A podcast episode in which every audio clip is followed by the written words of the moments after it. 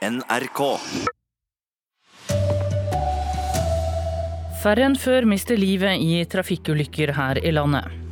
Og tollvesenet advarer folk mot å smugle fyrverkeri fra Sverige. Her er NRK Dagsnytt klokka sju. Stadig færre mennesker mister livet i trafikken på norske veier. Et par dager før året er omme, viser tallene at 104 mennesker har mistet livet i trafikkulykker i år. Det er 31 færre enn i fjor. Og selv om det er mange som mister livet, er veidirektør Terje Moe Gustavsen tilfreds med at tallene går ned. Dette er det laveste tallet vi har hatt på mange, mange år. Hva tror du det skyldes? Det skyldes bedre veier, eh, bedre biler og bedre trafikanter.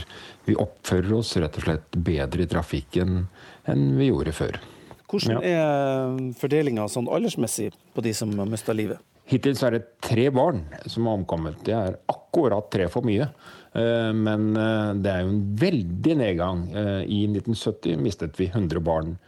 Det er dessverre en økning når det gjelder eldre, og det kommer nok også av at vi er mer aktive og lever lenger. Eh, men det forteller oss at vi må sette inn innsatsen over hele linja. Ja, det sa veidirektør Terje Moe Gustavsen. Han ble intervjuet av Kjartan Røslett. Tollvesenet advarer folk mot å ta med seg fyrverkeri inn til Norge. De siste dagene har tollerne beslaglagt over 200 raketter langs grensen, viser tall NRK har fått. Roar Birkestrand ved Bjørnfjell tollstasjon i Nordland sier det er forbudt å ta med seg fyrverkeri inn i Norge. Vi gjør jo hele tida litt sånn mindre beslag av det. Og det er jo stort sett i denne tida det gjøres. Nei, De er stort sett klare over det at det ikke er tillatt med raketter med styrepinne og sånt. Og det. Og um, det er vel det at de gjerne vil ha det likevel, så. Trolig er tallet på innførsel langt høyere ettersom det er tilfeldige kontroller, påpeker tollvesenet, som nå advarer mot å ta med seg fyrverkeri fra Sverige. De kan risikere en politianmeldelse. Og det er jo for brudd på bestemmelsen om fyrverkeri. Reporter her var Vilde Bratland Erikstad. Regjeringen gjeninnfører redusert arbeidsgiveravgift for transport- og energiforetak i distriktene. Det betyr at over 1500 bedrifter får til sammen 585 millioner kroner mindre å betale i arbeidsgiveravgift. Finansminister Siv Jensen mener det vil gi bedre rammebetingelser for næringsutvikling i bedriftene. 2017 hadde den tredje varmeste novembermåned målt i løpet av de siste 137 årene. Det viser globale tall fra NASA-instituttet GIS. Norge er et av landene som har fått varmere vintre. NRK Dagsnytt, Tone Nordahl.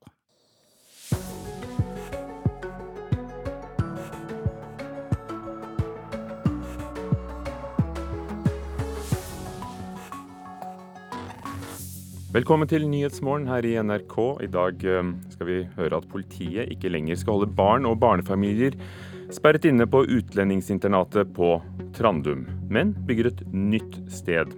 Hva sier kritikerne? Statsminister Erna Solberg advarer Frp og Venstre mot å komme med noe ultimatum før regjeringsforhandlingene skal i gang til uken.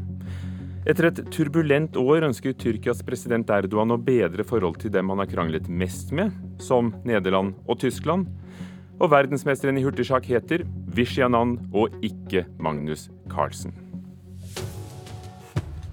Så vi skal også snakke sjakk i løpet av denne sendingen frem til klokken ni. I studio Ugo Fermariello. Politiet skal ikke lenger holde barnefamilier og barn som er her på egen hånd, på utlendingsinternatet på Trandum. Fra nyttår av skal de utenlandske familiene som myndighetene frykter vil rømme, bo i egne leiligheter på Haraldvangen i Hurdal kommune. Norske myndigheter har i flere år fått kritikk for å holde barn og familier med barn innesperret. Et fly letter fra Gardermoen. Fra vinduene kan du se rett ned på politiets utlendingsinternat på Trandum. Høye gittergjerder, kameraovervåkning og uniformert politi sørger for at utlendingene her ikke rømmer før de tvangsreturneres. For to år siden konkluderte Sivilombudsmannen med at utlendingsinternatet på Trandum er uegnet for barn. Likevel, blant de 3300 innsettelsene i år, har 48 vært barn med familie, og fire tenåringer uten. Men nå 30.12 blir barnefamiliene flytta, forteller leder for utlendingsinternatet Kristina Lægreid. Nå går det helt mot slutten eh, i forhold til å ha barnefamilier inne her på utlendingsinternatet på Trandum. Vi etablerer et midlertidig familiesenter på Haraldvangen i Hurdal kommune, hvor vi kan ha plass til to familier. Eh, og det er i påvente av at vi etablerer et eh, permanent familiesenter på Eidsvoll, som skal åpne høsten 2018. Ifølge Lægreid blir det ikke mulig for familiene å bevege seg som de vil. Døra og vinduer skal være låst, og en stor terrasse blir tilpassa som luftområde. Først og fremst så mener Redd Barna at barn ikke skal være sperret inne. Sier Tale Skybakk i Redd Barna, som lenge har vært kritisk. Eh, Redd Barna er positive til det tiltaket som Politiets utlendingsenhet eh, legger fram nå, med et midlertidig sted der barnefamilier skal være. Og Da er det viktig at man påser at man ikke har høye gjerder og låste dører og låste vinduer, men at man har et mest mulig sivilt preg, sånn at ikke barna opplever at de er i et fengsel. NOAS har lenge etterlyst at ingen barn skal være på Trandum, og vi er positive til at det ikke skal skje lenger med barnefamilier. Si en annen tidligere kritiker, Siril Berglund i Norsk organisasjon for asylsøkere. De er likevel ikke helt fornøyd. Ungdommene uten familie får ikke plass i Hurdal og blir værende på Trandum til det nye familiesenteret er klart i høst. Vi etterlyser da en, en midlertidig løsning også for disse barna, slik PU nå har fått til for barnefamilier. Det skulle jo egentlig vært på plass et nytt sted allerede i september i år, og det er, eh, vi synes det går for lang tid. Eh, absolutt. Og at i mellomtiden så burde man kanskje vurdert ikke at barn skal interneres på Trandum i det hele tatt. Og sånn sett er denne midlertidige løsningen eh, bra. Eh, men det virker heller ikke som at det er en optimal løsning i lengden. Hva er det som gjør at dere ikke tenker at det er en optimal løsning i lengden? Nei, Det er jo ikke et sted som er direkte utforma for dette. Vi snakker jo om en, et sted som ordinært blir brukt som en leirskole. Og reporter var Marit Gjelland. Mats Sandnes, professor i juss ved Universitetet i Oslo. Er dette en bedring fra tidligere år? For du har vært veldig kritisk til hvordan myndighetene har behandlet disse barna. Ja, Trandum er ikke noe sted for barn. Så det er godt at man ikke setter barn lenger på, på Trandum. Du førte saken i Borgarting lagmannsrett tidligere i år, der staten ble dømt for å ha brutt Grunnloven og menneskerettighetene da fire afghanske søsken mellom 7 og 14 år ble fengslet i 20 dager på nettopp Trandum sammen med foreldrene, før de ble sendt tilbake til Afghanistan. Ville du tapt denne saken nå hvis disse barna ikke hadde vært på Trandum, tror du, men i disse nye fasilitetene vi hørte om? Nei, dommen er, er svært klar. Den sier at uh, fengsling av barn, uh, og dette er fortsatt fengsling av barn, er den aller, aller siste utveien. Og Her tolker de da først straffeprosessloven, som sier at det må være tvingende nødvendig å fengsle barn. Og, og, og som sagt så er det da fortsatt å, å, fengsle barn om de må sitte innelåst på, på et hotell et sted. Uh, og så kommer det da inn her i tillegg at man må se på alternativene. Altså, Det er ikke tvingende nødvendig hvis det er et alternativ. og Da er det jo slik at mange av disse familiene bor på flyktningemottak. Og, og det er ingen påtrengende fare for at de skal flykte. Men det er jo en domstol som har tatt en stilling til hvorvidt det er tvingende nødvendig. Betyr det at du ikke har tillit til domstolene og de dommerne som, som gir denne kjennelsen at ja, disse familiene med barn eller barna uten familie kan holdes enten på Trandum eller da på det nye stedet i Hurdal? Utlendingsmyndighetene har hevdet at ingen av de rettene som gjelder særlig for barn under 18, gjelder for barn som skal fengsles etter utlendingsloven. Der har de gradvis tapt, så domstolen har ryddet opp i dette og sier at nei, det er ikke nok at det er fluktfare. Det må fortsatt være tvingende nødvendig å fengsle disse barnefamiliene, eller barn i det hele tatt, under, under 18. Og, og, man må se på disse alternativene, som, som, man da gjør med andre norske barn. Det er ikke slik at vi fengsler barn i, i Norge, og det er heller ikke slik at vi låser dem inne eh, istedenfor i et fengsel på, på et hotell. Så hvilke alternativer er det du mener de burde ta stilling til? Eh, da er det, det, det som da tas opp i to av disse dommene, er bestemt oppholdssted meldeplikt eh, innlosjering på hotell eller hos bekjente eller i asylmottaket. Og, og, og, det er da nok. Altså, Da trenger du ikke å låse dem inne. Det er hva eh, som da uttrykkelig sies i forbindelse med en konkret vurdering av to forskjellige saker eh, med en måneds mellomrom i, i, i to lagmannsretter. Så prinsipielt er det for eh, deg ingen forskjell på om barnefamilier og, og barn holdes på Trandum eller i de nye og bedre forholdene, bare for å få det helt klart? Det er jo klart at det er mye bedre at barn ikke sitter på Trandum, for Trandum er et sted hvor barn virkelig ikke hører hjemme. Eh, men så Prinsippet blir jo det samme. Men reglene er de samme. Når du fengsler barn, hva, hva du enn kaller det, eh, hvordan du enn gjør det, så er det altså fengsling. Og det er slik Grunnloven er, og det er slik vår straffeprosesslov er. Men mener du da at eh, som, som følger dette saksfeltet, og, og, og, dere vant da denne saken i Borgarting lagmannsrett på vegne av disse eh, fire afghanske eh, mindreårige, mener du at både utlendingsmyndighetene og domstolene nå har en annen holdning til hva som er tvingende nødvendig, at det nå faktisk nærmer seg det du også mener er tvingende nødvendig når disse barna først holdes? For det første så er det ingen saker fra domstolene som jeg er kjent med eh, efter at disse dommene kom, eh, hvor dom, domstolene da har godtatt fengsling, et krav om fengsling fra utlendingsmyndighetene. Så det er nok ikke så store praktiske behov. Så det er ikke sikkert at det vil i det hele tatt være tvingende nødvendig i noen senere sak. Og i de sakene vi har, som da var oppe for domstolene, så var det mer hensiktsmessighetsgrunner. Altså det var ubehagelig, det tok tid, det var vanskelig, det ville koste penger å kjøre dem tilbake til flyktningmottaket f.eks. Og det slik hensiktsmessighet eller uhensiktsmessighet er aldri grunn til å fengsle barn, verken på Trandum eller noe annet sted. Hva er det prinsipielle eh, forskjellen? For dette er jo familier som skal sendes ut av landet. Om de holdes under oppsyn noen timer eller dager. De skal uansett ut. Det er jo bestemt.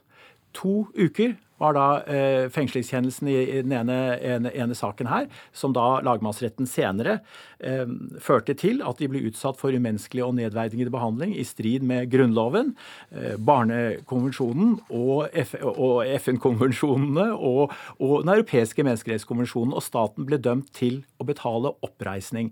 Det er en veldig, veldig alvorlig sak, og myndighetene må passe på at de holder seg klart innenfor disse rammene. Våre rammer er slutt. Takk, Mats Sandnes, professor i juss. Myndigheter, ja. Tirsdag begynner regjeringsforhandlingene. Verken Fremskrittspartiet eller Venstre får stille noe som helst ultimatum før disse forhandlingene. Det sier statsminister Erna Solberg. Og denne uken ga også Frp-leder Siv Jensen uttrykk for at Venstre bare kan glemme å håpe på en mer liberal asylpolitikk. Flere i partiet vil også frede Sylvi Listhaug som innvandringsminister. Men statsministeren selv er tydelig. Ingenting er avgjort før forhandlingene er over.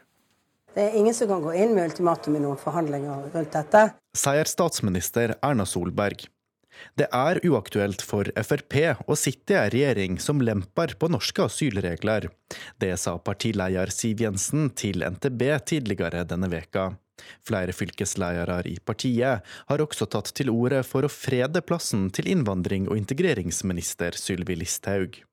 Krava får Venstre-leder Trine Skei Grande til å reagere med bekymring for Frp sitt syn på forhandlingsprosessen.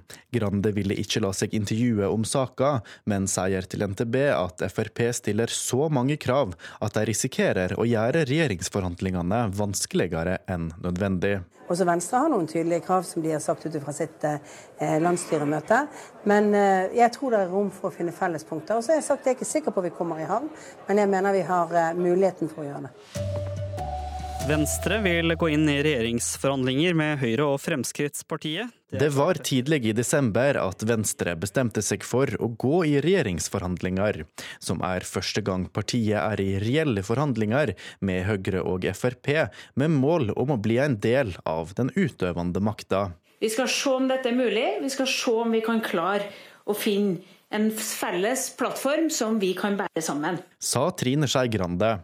Men ulikskapene mellom Venstre og Frp er store, spesielt på områder som asyl og innvandring, samt klima- og miljøpolitikk. Dette kan skape utfordringer for forhandlingene som starter på tirsdag. Men hun som skal leie forhandlingene, har tro på at de tre partiene vil komme fram til enighet. Jeg er helt sikker på at alle tre partier har viktige saker de vil ha gjennomslag for i neste fireårsperiode. Vi har gått til valg på våre egne programmer, så vårt eh, viktigste mål er å få, finne en felles løsning. Eh, jeg har ikke noe behov for å prosedere i media før disse forhandlingene. Og vi har før funnet frem til gode løsninger mellom Frp og eh, Venstre knyttet til asylpolitikk. Det gjorde vi i Nydalen i 2013, så jeg er sikker på at vi klarer å finne løsninger også. Sa Erna Solberg, og, og verken Siv Jensen eller Trine Skei Grande ønsket å gi noen kommentarer til denne saken. Reporter var Espen Breivik. Klokken er kvart over syv, du hører på Nyhetsmorgen i NRK. Hovedsaker i dag. Politiet skal ikke lenger holde barn og barnefamilier på utlendingsinternatet på Trandum. Færre enn før mister livet i trafikkulykker. Og vi drikker stadig mer musserende og rosévin, og mindre rødvin og konjakk. Vinmonopolet skylder på klimaendringer.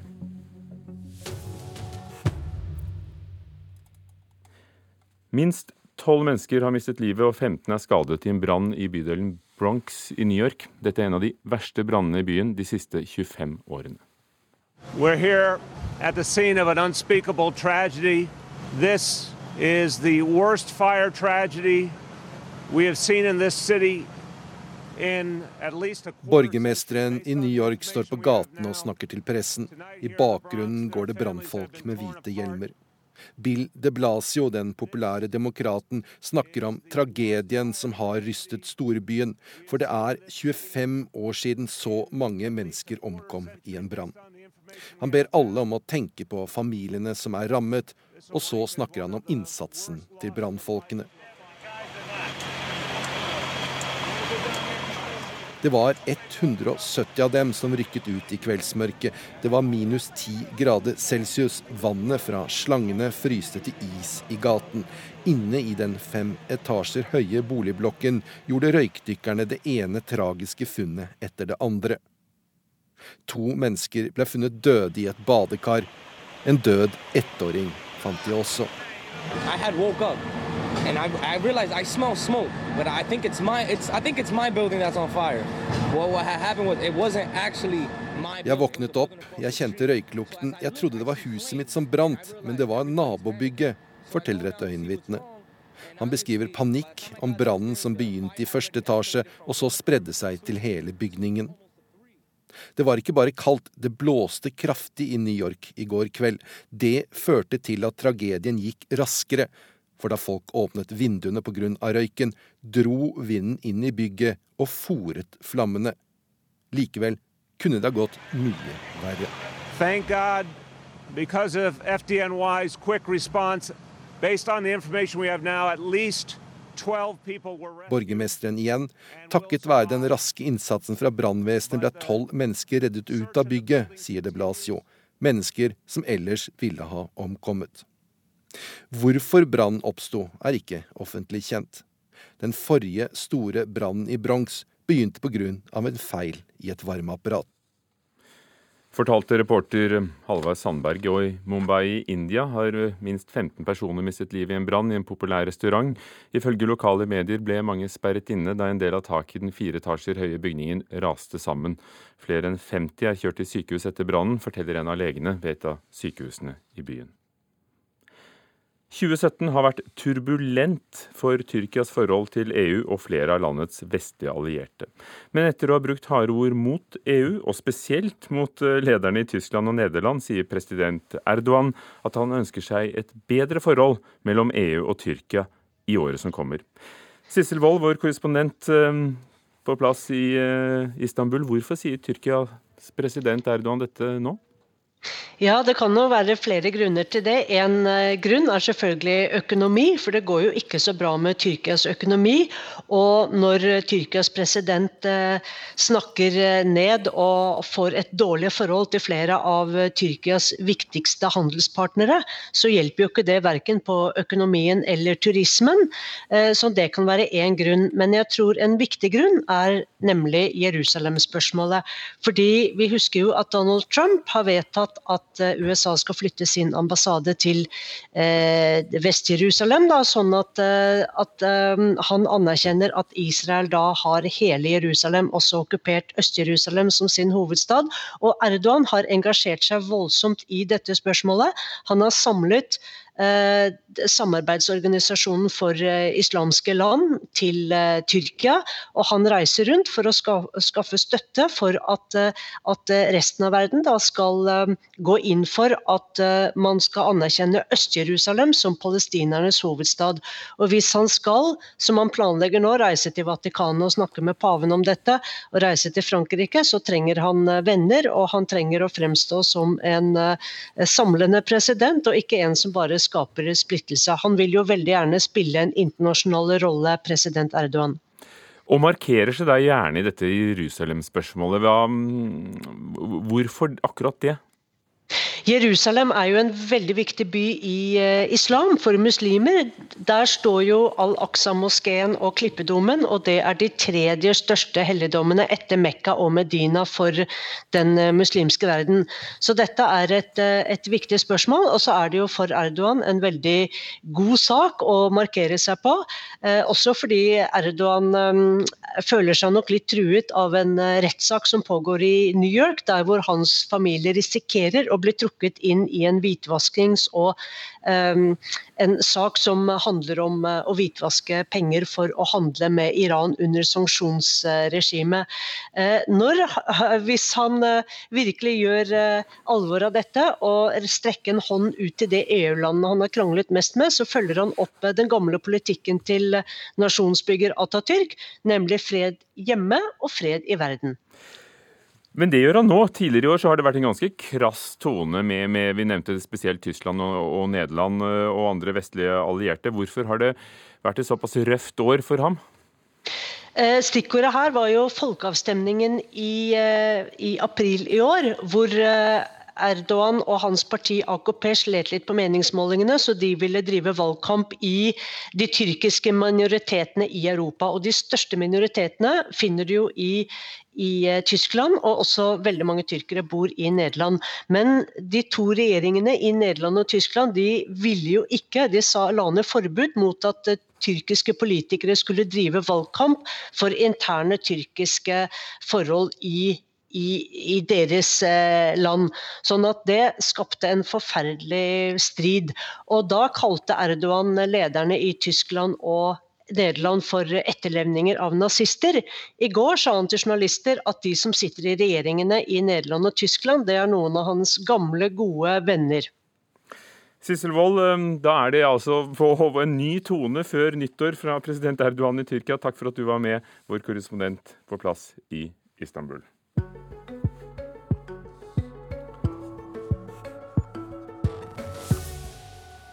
Det ble kåret en verdensmester i hurtigsjakk i går, og han heter Vishyanan, og ikke Magnus Carlsen. Magnus Carlsen, den norske spilleren, fikk ingen VM-tittel, og nå har vi fått besøk av Sondre Myhre fra NRK Sporten. Eh, et innholdsrikt eh, mesterskap, eh, Sondre? Innholdsrikt er virkelig rett ord. VM i hurtigsjakk var drama, komedie, action og såpeopera. Alt forent i over 1000 unike partier sjakk. 1000 unike partier. Det hele har gått på TV. Det har blitt litt av en TV-sportsjakk også. Hvilke øyeblikk kommer du til å huske? Nei, Det er flere. Det er grimasene til Jan Nepomniachtchi etter at Magnus Carlsen tabbet seg ut i det tiende partiet. Og ikke minst det smørblide Hao Wang som gliste fra øre til øre da han eh, skjønte at han klarte å holde verdens beste sjakkspiller til remis. Det står igjen som øyeblikk, i hvert fall jeg vil huske i lang tid. Men det aller største var nok eh, Carlsens utrolige utmanøvrering av eh, Vladimir Fedosejev i det tolvte partiet. Da ledet eh, russeren eh, VM, men med seier så ville Carlsen ta over ledelsen. Og partiet gikk mot en klokkeklar remis, men eh, vår mann han nektet å gi opp, og fullstendig ut av det blå så utmanøvrerte han Fedusejev og en hel sjakkverden. Og Det fikk den vanligvis så sindige NRK-sjakkeksperten Atle Grønn til å dra frem noen av VMs største superlativer. Magnus Carlsen driver med noe helt annet enn de andre. Og Vi kommer til de andre spillerne, vi kommer til tabellen osv. Og, så og der ser vi hva de holder på med hele dag. De driver og fisler ut disse remiene. Mens Magnus her prøver og prøver og prøver og blir belønnet. Og det er så nydelig å se på. Så det var tydeligvis bra, men ikke bra nok? Nei, det var dessverre ikke det. Partiet mot Fausev, det var briljant. Men det var også langt. Og det gjorde jo at eh, Carlsen ble nok litt sliten og ufokusert, og fikk ikke ut sitt beste i de siste tre partiene. Og i det siste og avgjørende så tapte han også med hvite brikker mot eh, Aleksandr Grisjuk, og mistet med det VM-gullet som han hadde i lommen. Problemet er at jeg har spilt fryktelig dårlig med hvit, så jeg vet ikke helt hvorfor. Uh, og siste partiet var Nei, Det var noe veldig forknytt over det hele. Det var ikke bra i det hele tatt. Uh, så man, altså, det er mye rart som hadde skjedd før, før siste partiet, men jeg kunne jo fortsatt klart det. Uh, så det er jo der det slår feil. Men nå var det jo ingen nybegynner som faktisk vant VM, da. Det var kanskje en fortjent seier?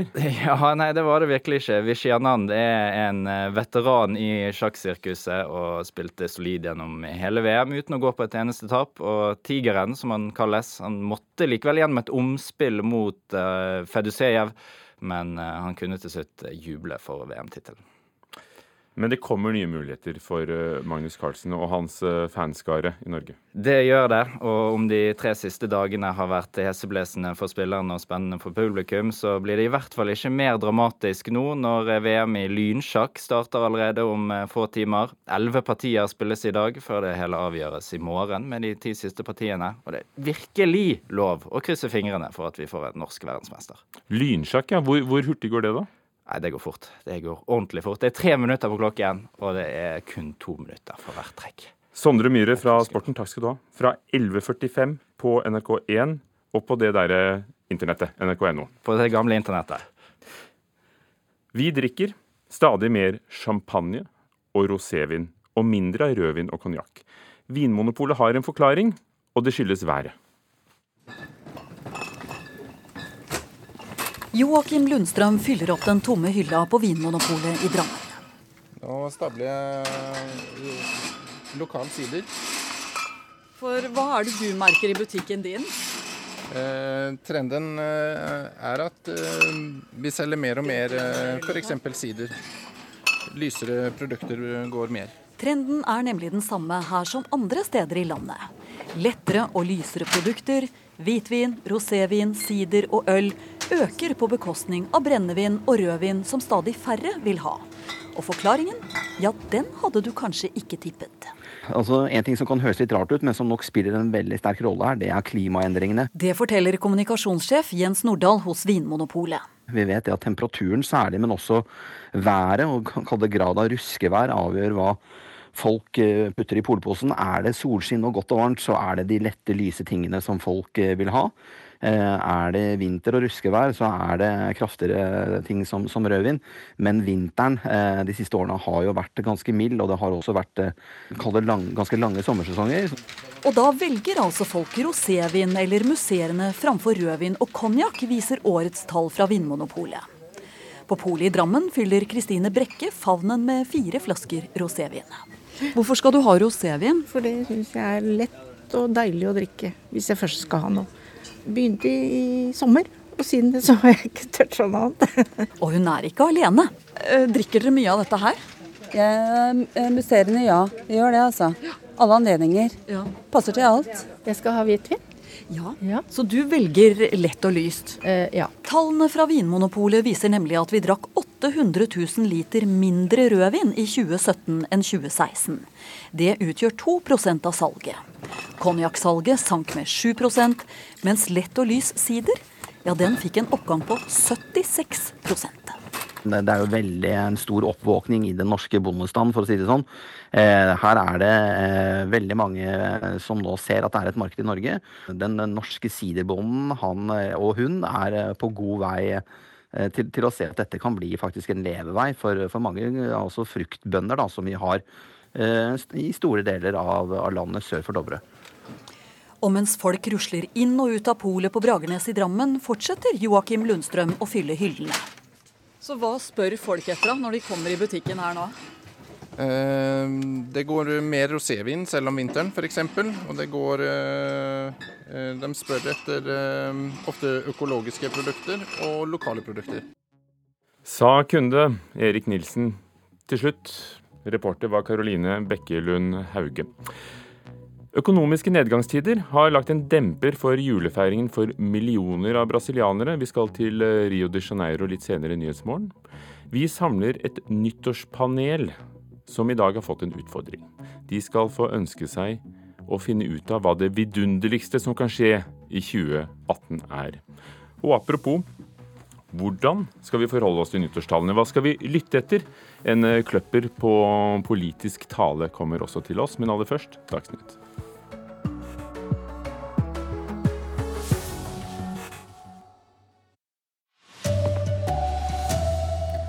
Færre enn før mister livet i trafikkulykker her i landet. Barnefamilier skal ikke lenger sperres inne på utlendingsinternatet på Trandum. Og minst tolv mennesker har mistet livet i storbrann i New York i natt. God morgen, her er NRK Dagsnytt, klokka er 7.30. Flere dødsulykker i julehelgen til tross. Stadig færre mennesker mister livet i trafikken på norske veier. Et par dager før året er omme, viser tallene at 104 mennesker har mistet livet i trafikkulykker i år. Det er 31 færre enn i fjor. Veidirektør Terje Moe Gustavsen mener det skyldes tre ting. Det er bedre veier. Og det er bedre biler. Og det er eh, bedre, mer fornuftige trafikanter. Fram til i går kveld hadde 104 mennesker mista livet i trafikken i år. Det er det laveste tallet siden like etter krigen, til tross for at trafikken er mangedobla siden den gangen. Og bare siden 2010 er antall omkomne mer enn halvert. Eh, det fordrer enda mer innsats for å, å berge de neste 100, naturlig nok. Tor Pettersen, en av dem vi traff i går kveld, mener bedre biler har mye av æra. Du ser jo hvordan bilen er bygd opp i dag med airbager rundt, rundt i kupeen. Sånne ting eh, redder jo liv. Mens 100 unger døde i trafikken i 1970, har tre omkommet i år. Vi er blitt mye mer opptatt av sikkerhet, mener Peter Svenning. Når jeg vokste opp, så kunne bare unger være baki. Mens nå er det jo sikre barneseter, og alle vi som kjøper barneseter, ser på alle mulige tester. Sikkerhetsbelter er en selvfølge. Vi er altså blitt bedre trafikanter, skal vi tro veidirektøren. Gro Jørgensen er enig. Så jeg har jo en på 13 sjøl som er veldig flink til å minne mamma på at vi skriver ikke meldinger, eller vi behøver ikke å ta telefonen før etterpå. Mens det før var mange ungdommer, er det nå flest godt voksne som dør i trafikken. Kanskje da særlig menn, som eh, nok har tendenser til å ha altfor høyt fartsnivå, og i det hele tatt eh, nok er litt for mye verdensmestere. Reporter i dette innslaget var Kjartan Røslett. Politiet slutter å sperre barnefamilier inne på utlendingsinternatet Trandum. Norske myndigheter har i flere år fått kraftig kritikk for å holde utenlandske barnefamilier på internatet, når de mener det er fare for at foreldrene skal rømme før de blir transportert ut av landet. Fra nyttår skal familiene i stedet bo på Haraldvangen i Hurdal kommune før de sendes ut. Et fly lette fra Gardermoen.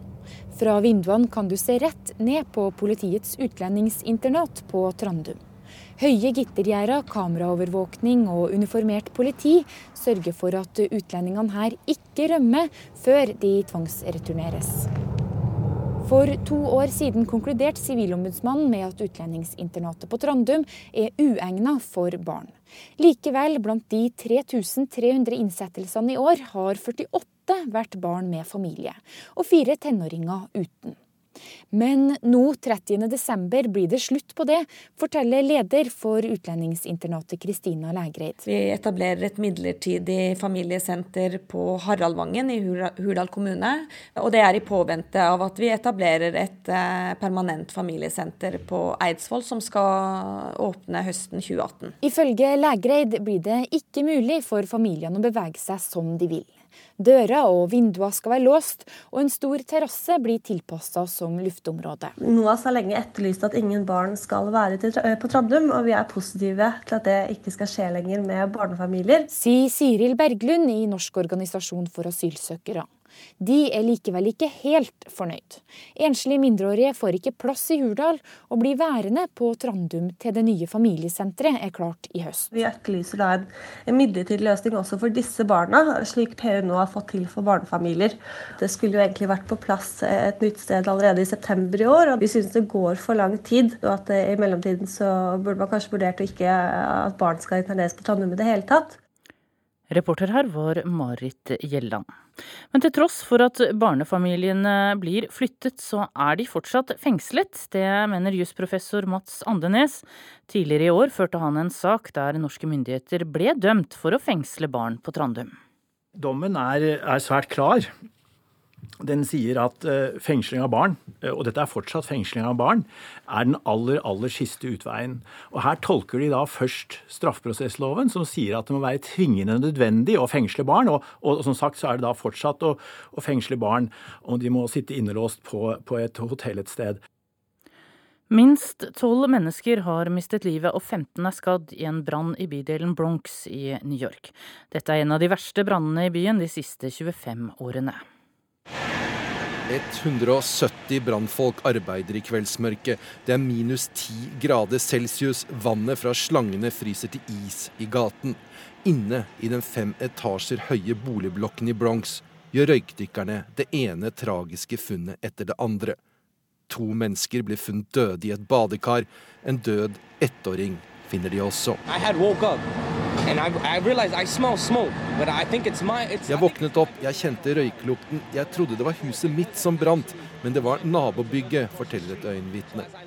Han snakker om panikk, om brannen som begynte i første etasje, og så spredde seg til hele bygningen. Det var ikke bare kaldt, det blåste kraftig i New York i går kveld. Det førte til at tragedien gikk raskere, for da folk åpnet vinduene på grunn av røyken, dro vinden inn i bygget og fòret flammene. We're here at the scene of an unspeakable tragedy. This dette er en tragedie, sier borgermester i New York Bill de Blasio. Dette er den mest alvorlige brannen vi har hatt i byen, målt i antall døde de siste 25 årene. Det sa reporter Halvard Sandberg. Verken Fremskrittspartiet eller Venstre får komme med noen absolutte krav før regjeringsforhandlingene, det sier statsminister Erna Solberg. Denne uka ga Fremskrittspartiets leder Siv Jensen uttrykk for at Venstre bare kan glemme en mer liberal asylpolitikk. Men regjeringssjefen selv er tydelig på at ingenting er avgjort før forhandlingene er over.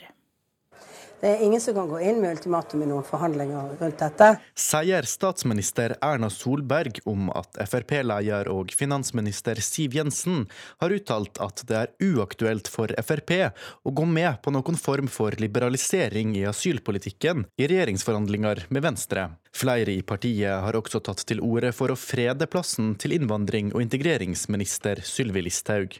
Venstreleder Trine Skei Grande vil ikke la seg intervjue om saka, men sier til NTB at Frp stiller så mange krav at de risikerer å gjøre regjeringsforhandlingene vanskeligere enn nødvendig.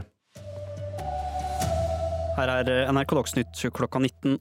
Venstre vil gå inn i regjeringsforhandlinger med Høyre og Fremskrittspartiet. Det var tidlig i desember at Venstre bestemte seg for å gå i regjeringsforhandlinger med mål om å bli en del av den utøvende makta. Men ulikskapene mellom Venstre og Frp er store, spesielt på områder som asyl og innvandring, samt klima- og miljøpolitikk. Dette kan skape utfordringer for forhandlingene som starter på tirsdag. Men hun som skal leie forhandlingene, har tro på at de tre partiene vil komme fram til enighet. Og vi har før funnet frem til gode løsninger mellom Frp og eh, Venstre knyttet til asylpolitikk. Det gjorde vi i Nydalen i 2013, så jeg er sikker på at vi klarer å finne løsninger også. Ja, Det sa statsminister Erna Solberg. Reporter her var Espen Breivik. Gårsdagens hurtigsjakk endte i skuffelse for Magnus Carlsen. Men allerede i morgen har han mulighet til å ta VM-tittelen i lynsjakk. I dag spiller 27-åringen de første partiene i sjakkens raskeste gren. Jeg, jeg håper vi kunne gjøre det bra der. Uh, men uh, jeg trenger å finne litt energi et eller annet sted. Det... Gjør dette deg enda mer sulten? Nei, ikke akkurat nå. Uh, så Akkurat nå så er det mest bare er litt tungt, egentlig.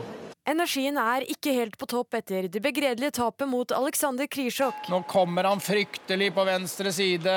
Gir seg der da, Magnus Carlsen. Der gir Magnus Carlsen seg og skal altså ikke kjempe om VM-gull.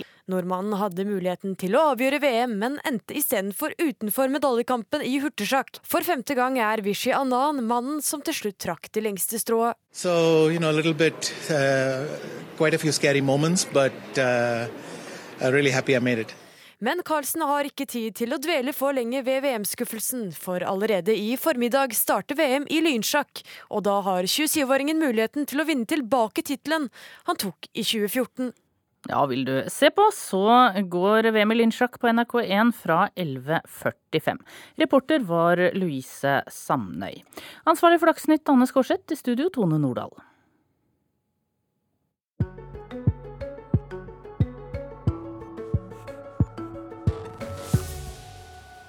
Før Politisk kvarter, hvor vi skal holde stortingsrepresentanter ansvarlig for sine valgløfter, skal vi til Brasil her i Nyhetsmorgen.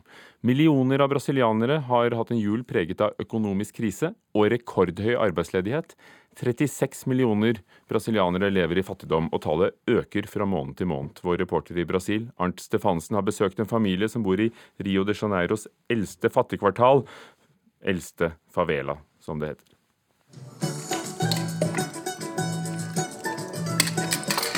Leila dos Santos tar oppvasken til julemusikk. Og blant Brasils fattige går de tradisjonelle julesangene gjerne i sambatakt. Leila er 42 år, lærer av yrke og har to døtre. Rafaela på 16 år og Micaela på 12. Familien bor i favelaen Providencia, som ligger på en høyde over sentrum av Rio de Janeiro. Leila og hennes døtre elsker å feire jul, men i år har den økonomiske krisa kastet lange skygger over festen. Porque infelizmente a crise está muito grande. O meu salário, infelizmente. Vi er dessverre inne i en alvorlig krise, og min lønn rekker ikke til annet enn å betale det vi trenger for å leve, sier Leila. Mannen min mistet jobben for åtte måneder siden, så denne jula har det ikke vært råd til noe ekstra. Ingen julemat, bare kylling, pølser og ris som ellers i året. Og døtrene mine har ikke fått noe nytt til jul, sier 42-åringen. Eu estou muito triste, porque é uma situação ruim, porque eu sempre Det er svært trist for meg at jeg ikke kan gi døtrene mine noe nytt til jul. Jeg har alltid prøvd å gjøre det beste for dem, og det skjærer meg i hjertet at jeg ikke kan kjøpe et nytt klesplagg eller noe annet som jeg vet at de ønsker seg til jul, sier Leila dos Santos.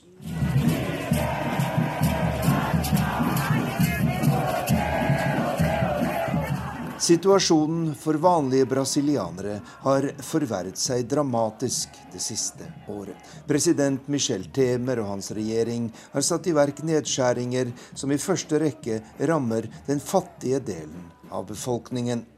25 millioner brasilianere lever nå i akutt fattigdom med en inntekt på mindre enn 4 dollar dagen, ifølge IBGE, Brasils SSB. Men det som opprører Leila dos Santos mest, er de enorme forskjellene mellom fattig og rik. Um. Dette er absurd. I virkeligheten lever de rike sitt luksusliv for verdier som er skapt av oss. Aller verst er det at de privilegerte raner til seg folkets penger gjennom en ekstremt utbredt korrupsjon. De kjøper luksusbiler, flotte hus og dyre importvarer, og lever et liv vi bare kan drømme om, sier tobarnsmoren Leila dos Santos i favelaen Providencia. Det brasilianske klassesamfunnet viser sitt styggeste ansikt når julen ringer inn og millioner av mennesker opplever fattigdommen enda tydeligere enn ellers i året. Men læreren Leila dos Santos ønsker likevel å formidle positive verdier til sine elever. Jeg Eu mine para at de må studere, fordi de que Jeg sier til elevene mine at de må studere, for det er den eneste veien ut av fattigdommen. Og jeg lærer dem at de må være ærlige og gode, selv om vi lever i et land med så mye urett, korrupsjon og kriminalitet. Fortalte Arnt Stefansen fra Rio i Brasil.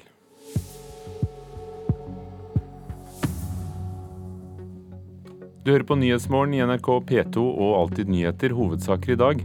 Færre enn før mister livet i trafikkulykker her til lands. Barnefamilier skal ikke lenger sperres inne på utlendingsinternatet på Trandum. Minst tolv mennesker har mistet livet i storbrann i New York. Og senere i sendingen samler vi Kulturnytts tradisjonelle fredagspanel og hører hva vi kan vente oss av nyttårstalene. Men nå er det tid for Politisk kvarter. Lilla Sølhusvik intervjuet gamle stortingsrepresentanter på vei ut i juni.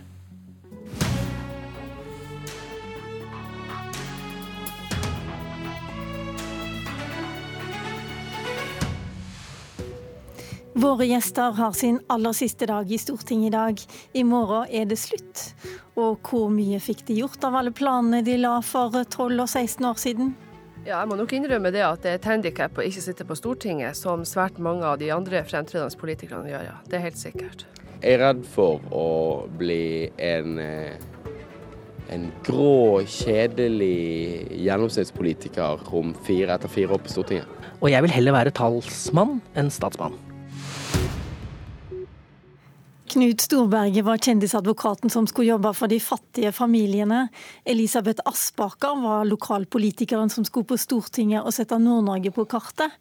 Heikki Holmås var studenten og ungdomspolitikeren som skulle Ja, vi kan jo høre hva han eh, valgte å si sjøl tilbake i 2001. Jeg har, en, jeg har en visjon om å få til å revolusjonere det norske skoleverket i løpet av en, en fireårsperiode. Alene? Nei, sammen med en haug med andre folk. Men det er ganske mange folk, både lærere og elever rundt omkring, som, eh, som syns at eh, skolen eh, ikke er noe bra. Og den bygger på en 200 år gammel tanke om at elever skal sitte i klasser, og at et menneske skal løfte de opp etter håret ved å fortelle dem masse ting. Men alle som har gått på skolen vet at det er ikke sånn det funker. Og da, da må det gjøres noe. Ja, Hvordan gikk det med den skolerevolusjonen, Heikki Holmås? Jeg fikk ikke gjennomført det, for først kom Kristin Clement og ødela og tok skolen i feil retning. Men heldigvis så gjorde både Kristin Halvorsen og Bård Vegar Solhjell og Øystein Djupedal ganske mye for å bringe det i riktig retning igjen og få en mer praktisk skole. Men eh, vi er ikke i mål, og det er jo derfor eh, SV har eh, det å ta kampen for en bedre skole og mer praktisk skole, en heldagsskole med flere lærere, er en av de viktigste valgkampsakene våre i år. Elisabeth Aspaker fra Høyre, da du ble valgt inn i 2005, så skulle du sette Nord-Norge på kartet. Du havna i utdanningskomiteen, først i justiskomiteen, så i utdanningskomiteen. Og da var det vel din jobb å stoppe nettopp den eh, skolerevolusjonen til SV? Ja, jeg var jo så heldig at jeg fikk være, jobbe sammen med Kristin Clemet før jeg kom på Stortinget og lage dette Kunnskapsløftet. og Det har vært viktig for landet, men det har i særdeleshet vært viktig for Nord-Norge. For vi ser jo fortsatt at der har vi det største frafallet, og det er viktig på en måte å bygge kompetanse. For uten det så greier vi heller ikke å verken videreutvikle samfunnet eller gi næringslivet den kompetansen de trenger. Og jeg mener Vi har olje- og gassnæringa, fiskerinæringa, mineralnæring, reiselivsnæring. Alle disse næringene trenger toppkompetente folk i dag. Men nå har du sittet i tolv år, Heikki Holmås har sittet i 16 år, og det virker som dere jobber med akkurat de samme sakene? Ja, men jeg tror eh, dette er jo litt uh, the never ending story. altså. Det handler hele tida om at uh, samfunnet rundt oss utvikler seg, og da må politikken utvikle seg. Og det er vel sånn at man egentlig aldri kommer helt i mål. Knut Storberget i Arbeiderpartiet, da du starta i 2001, så var du kjendisadvokat, og du halverte lønna di for å begynne på Stortinget. Og det du skulle jobbe med, det var fattige barnefamilier spesielt. Og målet var klart finanskomiteen. Ja, det er jo der det skjer, har jeg hørt. Men Arbeiderpartipolitikere pleier ikke å si sånn. De pleier å si 'jeg går dit partiet vil'. Ja, men er ikke de tidene forbi, da? Ja? Jeg syns vi må ha lov til å si at uh, vi har noen ambisjoner i forhold til hvilken komité vi skal sitte i. Det har jeg, altså. Og det, det, er klart at Noen spøker med at du får jobba med fiskeri i løpet av de første årene, men uh, fra Innlands-Norge så er det ganske magert. Uh, de viktige sakene dem blir etter min mening avgjort i finanskomiteen, og der er det viktig å være. Knut Storberget, det skulle ta ti år før du kom i finanskomiteen? Ja, det gjorde det. Det, gjorde det. det ble justis på meg. Men jeg fikk en mulighet til å gjøre noe i forhold til de fattige barna. Eh, de som er fattige på penger, men også de som er fattige på omsorg. Eh, jeg holdt mitt siste innlegg i Stortinget i går. og Vold mot barn har alltid vært viktig, både for Arbeiderpartiet og meg. Slik at vi føler på mange måter at vi fikk uttelling, selv om du ikke havna i den komiteen du sjøl mente var viktigst, før om ti år. da. Hvor viktig er det å havne i den rette komiteen?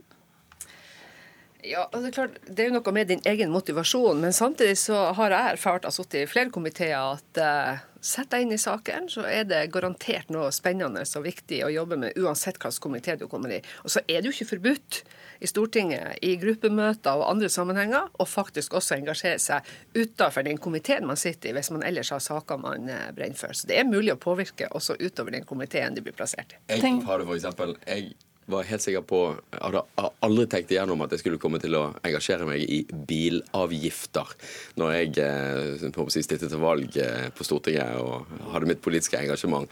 Men etter å ha sittet i finanskomiteen, så er det jo én ting jeg har skjønt, det er jo at det å jobbe med bilavgiftene er jo det aller, aller viktigste vi har klart å gjøre for å få til å redusere klimagassutslippene. Hele elbilrevolusjonen, hele omleggingen til mer miljøvennlige biler. Så det er liksom sånn, Jeg er enig med Elisabeth. Det er sånn, Kom til en komité, begynn å jobbe med sakene, og så ser du at enten du er opptatt av rettferdighet, enten du er opptatt av miljøpolitikk, eller sikkert skattelette og andre ting, så, så finner du noe å gripe fatt i i den komiteen. Du blir nerd. Og det er nerdene som vinner. Alle dere tre som sitter her nå, har vært eh, statsråder. Eh, Knut Storberget, du var justisminister. Hvordan var det da å komme tilbake igjen til Stortinget? Det er, en, det er en øvelse som eh, jeg må si kan være, oppfattes veldig krevende. Eh, fordi at For det første er det veldig brått slutt.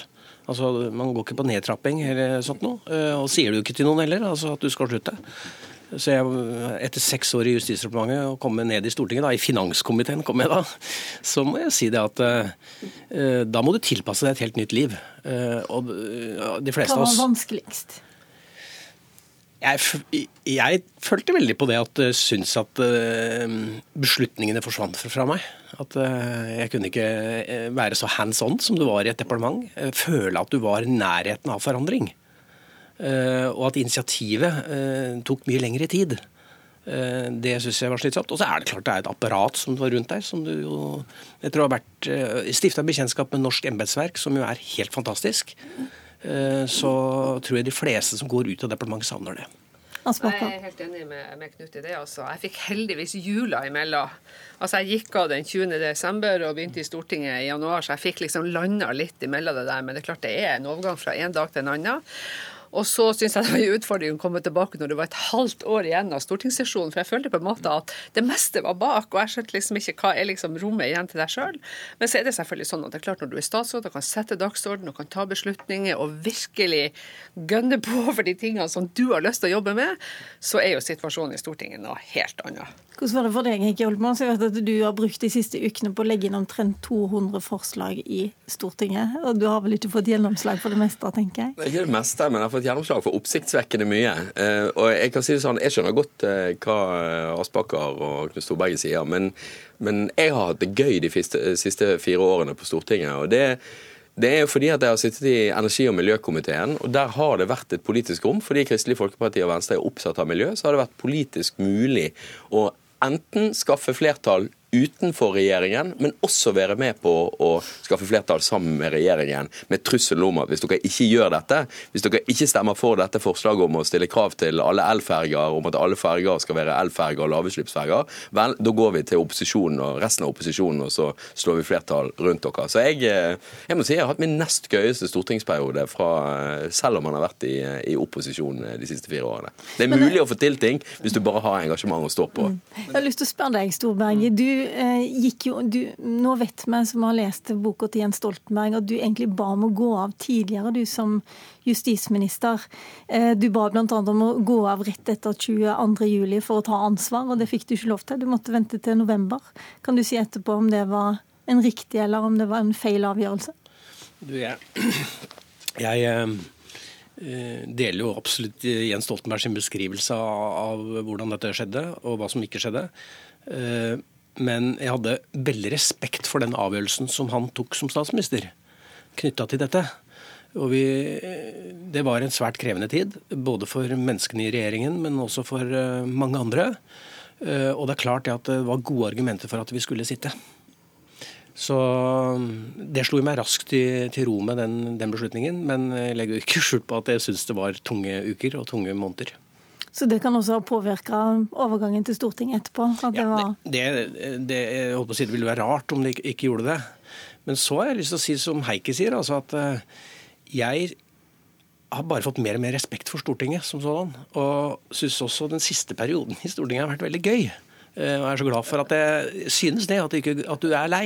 Eh, vi har prøvd å løfte matpolitikken og landbrukspolitikken, og jeg syns det liksom har vært en sånn aha-opplevelse for meg. Eh, å kunne ta med det. Og det er som Heikki og Elisabeth er inne på. Arbeidet i Stortinget og arbeidet med de politiske områdene handler veldig mye om det engasjementet og de initiativene du sjøl tar. Og da har du store muligheter.